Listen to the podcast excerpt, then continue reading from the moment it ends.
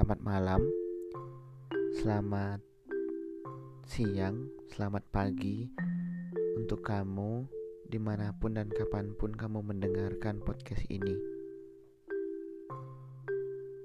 Untuk kamu yang hatinya sedang sakit, untuk kamu yang harinya sedang sulit, sedang mencari jalan keluar untuk semua permasalahan yang menyesakkan. Podcast ini akan membahas tentang permasalahan yang mungkin sedang kamu alami sekarang. Semoga saja ini akan sedikit membantu. Semoga saja ini juga bisa membuat pikiranmu lebih terbuka. Rais Muhammad untuk kamu. Semoga saja kamu menyukai podcast ini.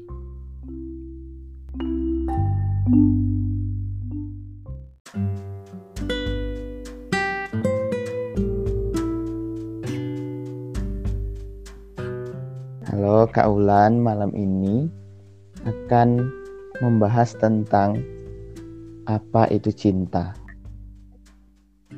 Cinta. Cinta itu mungkin sebagian orang menganggap, menganggap itu rasa kebahagiaan, mungkin cobaan, mungkin air mata, atau mungkin cinta itu sebuah emosi dari kasih sayang. Dan bisa juga ketertarikan dengan seseorang. Mungkin juga cinta dapat diartikan sebagai suatu perasaan yang terbentuk karena akibat beberapa faktor, misalnya ketertarikan fisik, empati, perhatian, kasih sayang. Sehingga karena cinta juga bisa membuat seseorang ingin melakukan apa pun yang mungkin di luar nalar ataupun logika. Cinta juga bisa diartikan suatu perasaan terhadap keluarga, teman-teman, dan juga kadang cinta itu bisa bersifat romantis yang bisa dilibatkan dalam asmara ataupun banyak pandangan lain yang lebih cenderung ke arah romantis dan bisa juga kadang ke hawa nafsu. Cinta juga bisa merupakan suatu perasaan yang diberikan Tuhan kepada setiap insan manusia untuk saling menyayangi, mengasihi, saling memenuhi, pengertian yang datangnya dari hati tulus dan juga cinta tersebut hanya bisa berjalan jika kedua insan tersebut saling mengasihi, saling ikhlas, dan tanpa ada ego di antara mereka. Cinta itu timbul karena ada rasa ketertarikan. Iya, benar sekali. Nah, menurut Kak Ulan nih, menurut Kak Ulan ya. nih, ada beberapa orang atau sebagian orang yang bilang bahwa cinta itu tidak butuh alasan. Hmm. Menurut Kak Ulan gimana? Kalau menurut aku lebih baik kita itu mencintai orang, tapi ada alasan. Misalnya, kita cinta karena kita kagum, kita cinta karena dia cantik, kita cinta karena dia tampan. Dan kalau menurut aku, secara fisiologis dan secara psikologis, cinta itu tidak ada datang karena tiba-tiba, pasti karena ada alasan kalau misalnya orang bilang cinta tiba-tiba tanpa alasan, gak mungkin. Pastikan mereka timbul cinta itu karena faktor tidaknya faktor objek. Faktor objek itu contohnya misalnya tertarikan fisik. Jika seseorang dalam tatapan ataupun pandangan pertamanya dia sudah memberikan kesan impulsif, dia sudah tertarik, pasti dia akan memperhatikan. Memperhatikan, kemudian ada sesuatu pasti yang bikin dia menarik. Sehingga lama-kelamaan timbul cinta, apalagi kalau sampai berhubungan. Ya itu kadang orang tuh salah tafsir, kadang ketika dia telah dalam suatu hubungan, jalan hubungan, dia bingung, kayaknya aku cinta dia apa adanya lah. Tidak mungkin. Karena cinta itu pasti ada alasan. Karena tidak mungkin kita tuh cinta sama orang yang tidak kita kenal. Apalagi cinta yang datang dengan tiba-tiba. Menurut aku sih seperti itu. Oke, jadi menurut Kak Ulan, cinta itu harus Iya, ada alasan benar. ya. Tidak mungkin cinta itu datang tiba-tiba tidak mungkin. Kayak misalnya kita ketemu orang tiba-tiba langsung cinta, mungkin. Pasti kan harus ada komunikasi, perkenalan, dan pasti dalam sesi komunikasi dan perkenalan itu ada pasti suatu ketertarikan. Dan itu kadang yang menjadi alasan yang orang tidak sadar bahwa itulah di situlah alasan kenapa kita cinta tertarik dan akhirnya menjadi cinta. Menurutku seperti itu tapi bebas opini lah namanya cinta. Terserah orang mendeskripsikan apa tapi yang aku tahu kalau berdasarkan psikologi dan berdasarkan hmm, teori realita impulsif itu nggak nggak mungkin cinta itu tanpa alasan. Kadang orang itu kalau udah menjalanin suatu hubungan, jadi semakin sulit mereka untuk membedakan bahwa ini cinta, bahwa ini nafsu. Itu gimana? Hmm, kalau menurut aku cinta yang apa adanya itu dilihat membedakan ya cinta atau nafsu. Cinta atau nafsu itu sebenarnya memang memang beriringan dalam arti ya dan mungkin lah insan bersama ada ikatan hati, saling cinta, tidak beriringan nafsu.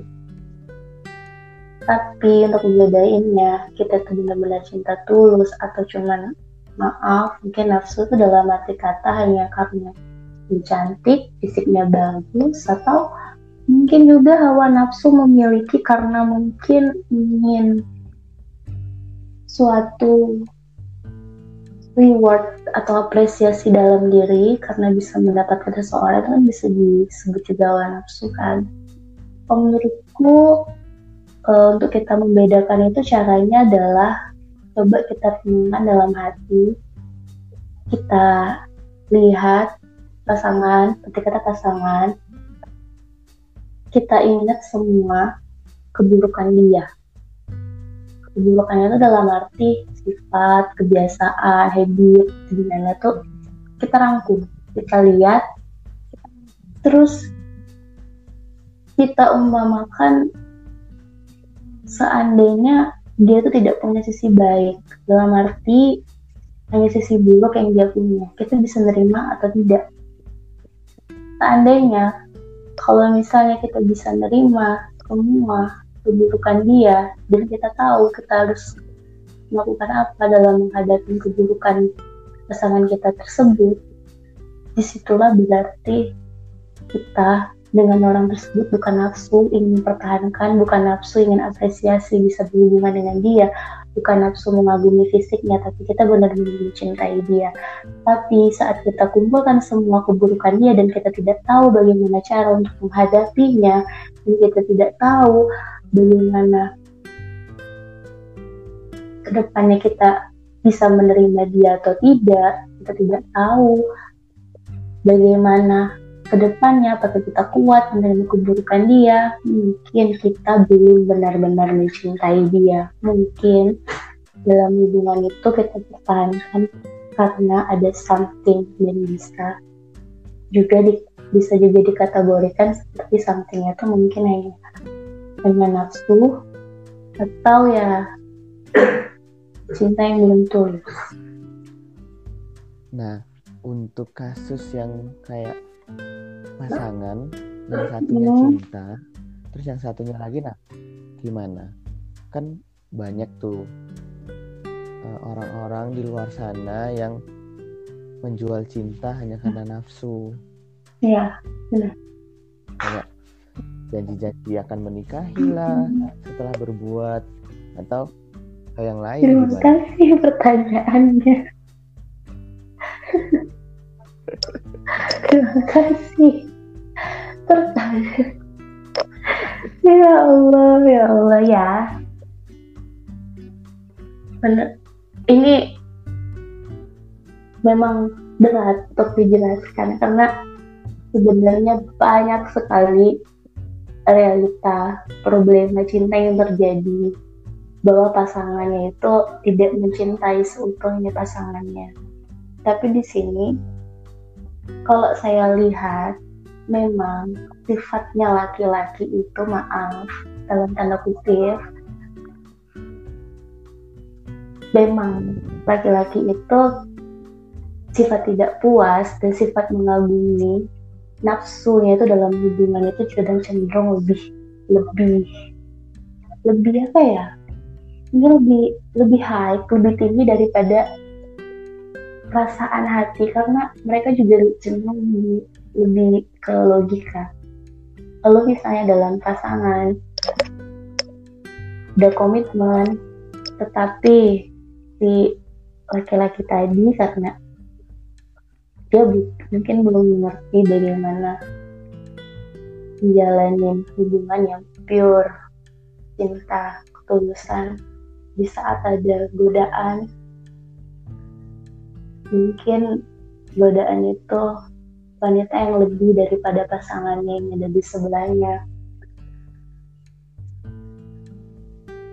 Mungkin karena beberapa faktor misalnya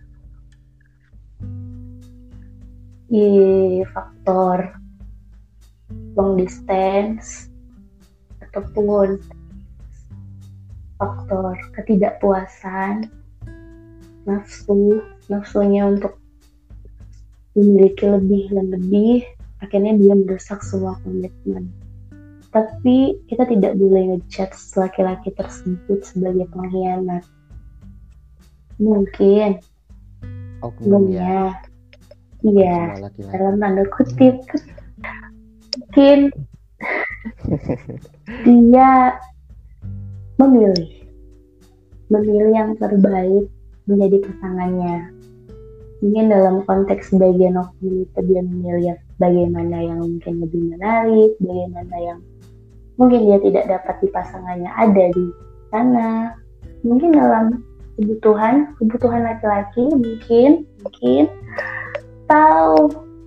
Ya kebutuhan laki-laki lah dalam tanda kutip lah. Pasti laki tahu. Mungkin dia dapat di wanita itu atau mungkin wanita itu lebih menarik wanita itu mungkin lebih menjanjikan mungkin wanita itu lebih lebih lebih yang mungkin punya sesuatu yang tidak pasangannya punya. Dan akhirnya terjadilah cinta dalam hubungan itu. Sebenarnya bukan bukan dalam hubungan itu mereka tidak cinta tapi cintanya terbagi mungkin lebih ba lebih bagus bahasanya seperti itu kali ya satu hati dua cinta Atau mungkin kayaknya Kak Wulan nih pernah ngerasain Iya, yang iya kayak benar. gitu ya. saya ya separuh saya dari teori separuh pribadi saya jujur untuk hubungan mungkin tidak begitu baik. Laki-laki mencintai hanya karena fisik ya. Saya pernah ketemu pernah ketemu.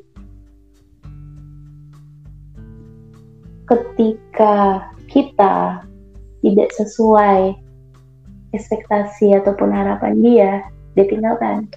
Itu tadi namanya cinta nafsu dan dan kalau misalnya di posisi pasangan komitmen datang pihak ketiga ya itu bisa dikatakan bukan kita melakukan hubungan atau berhubungan tapi satu pihak tidak cinta. Mungkin itu tadi lebih enak disebut bahwa satu hati dua cinta. Tapi cenderung pasti gagal karena tidak mungkin wanita itu mau lelakinya dibagi. Dan titik kesalahannya pun juga tidak seutuhnya di lelaki. Karena laki-laki itu memang berhak untuk memilih. Memang berhak untuk menilai untuk menjadi pilihannya.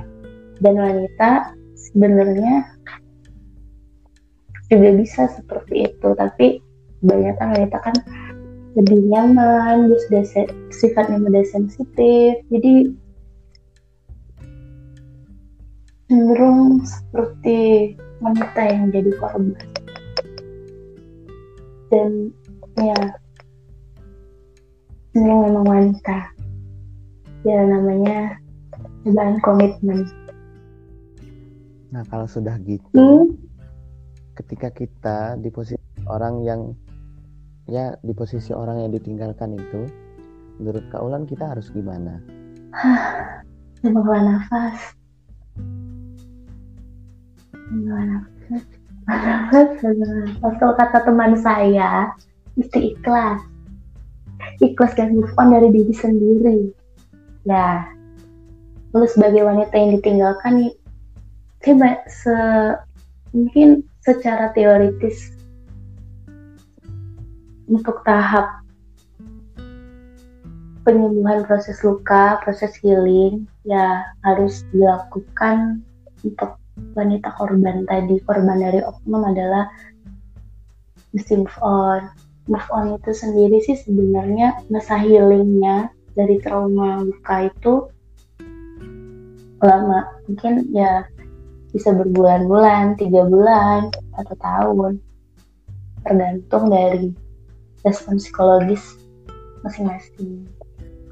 Jadi kalau menurut aku sebaiknya banyak-banyak mengisi aktivitas, banyak-banyak konsumsi makanan yang mengandung hormon endorfin, bahan hormon mengandung hormon endorfin, hormon bahagia, makan coklat banyak-banyak, makan es krim banyak-banyak, banyak-banyakin aktivitas. Kemudian ya saran dari saya untuk tidak dulu membuka hati, beri jeda untuk benar-benar benar-benar masa denial dan masa healing itu tepat. Maksudnya itu dalam arti begini, maksudnya tuh bahasa simpelnya adalah jangan membuka hati sampai benar-benar siap untuk menerima cinta yang baru karena cenderung rapuh, cenderung sakit dan mungkin deh tiap karakter masing-masing orang ada yang cepet move on, ada yang lama move on. Ya saran aku sih step awalnya adalah banyak-banyakin aktivitas, main sama teman, makan makanan manis kayak itu.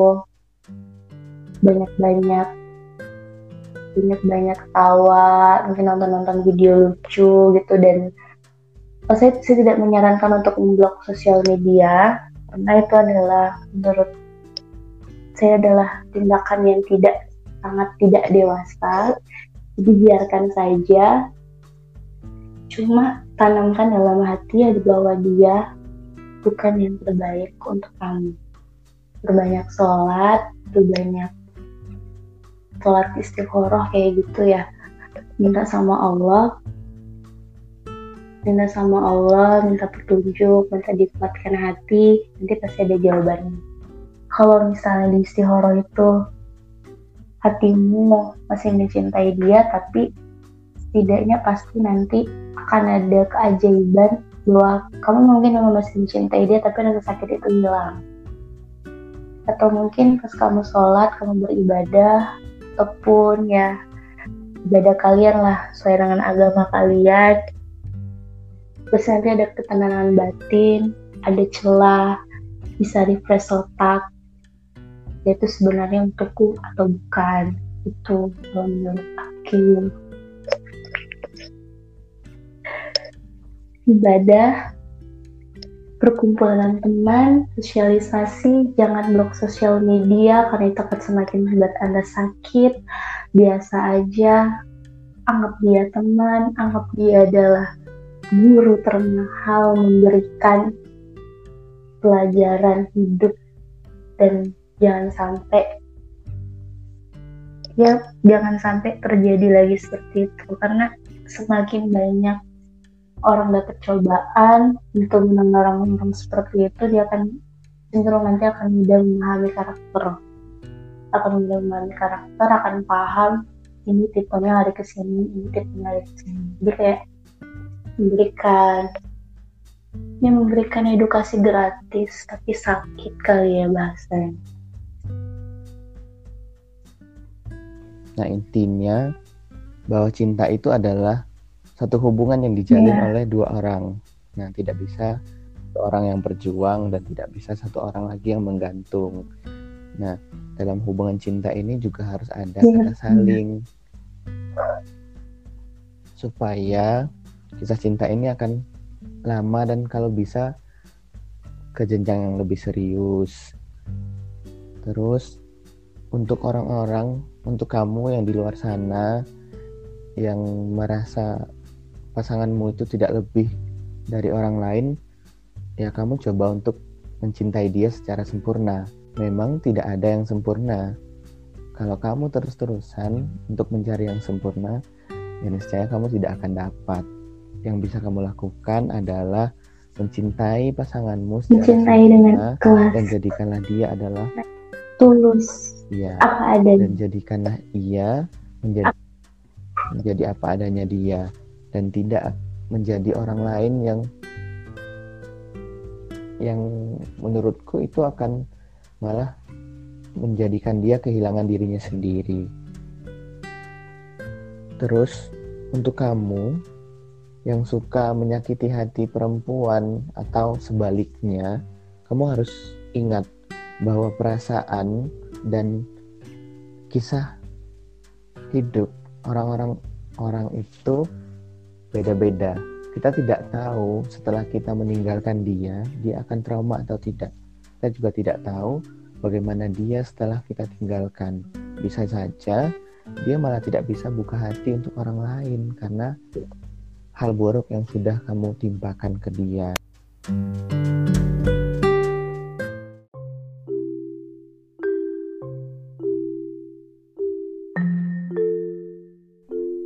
kasih bagi kamu yang sudah mau mendengarkan, sudah mau meluangkan waktu untuk mendengarkan ocehan podcast ini.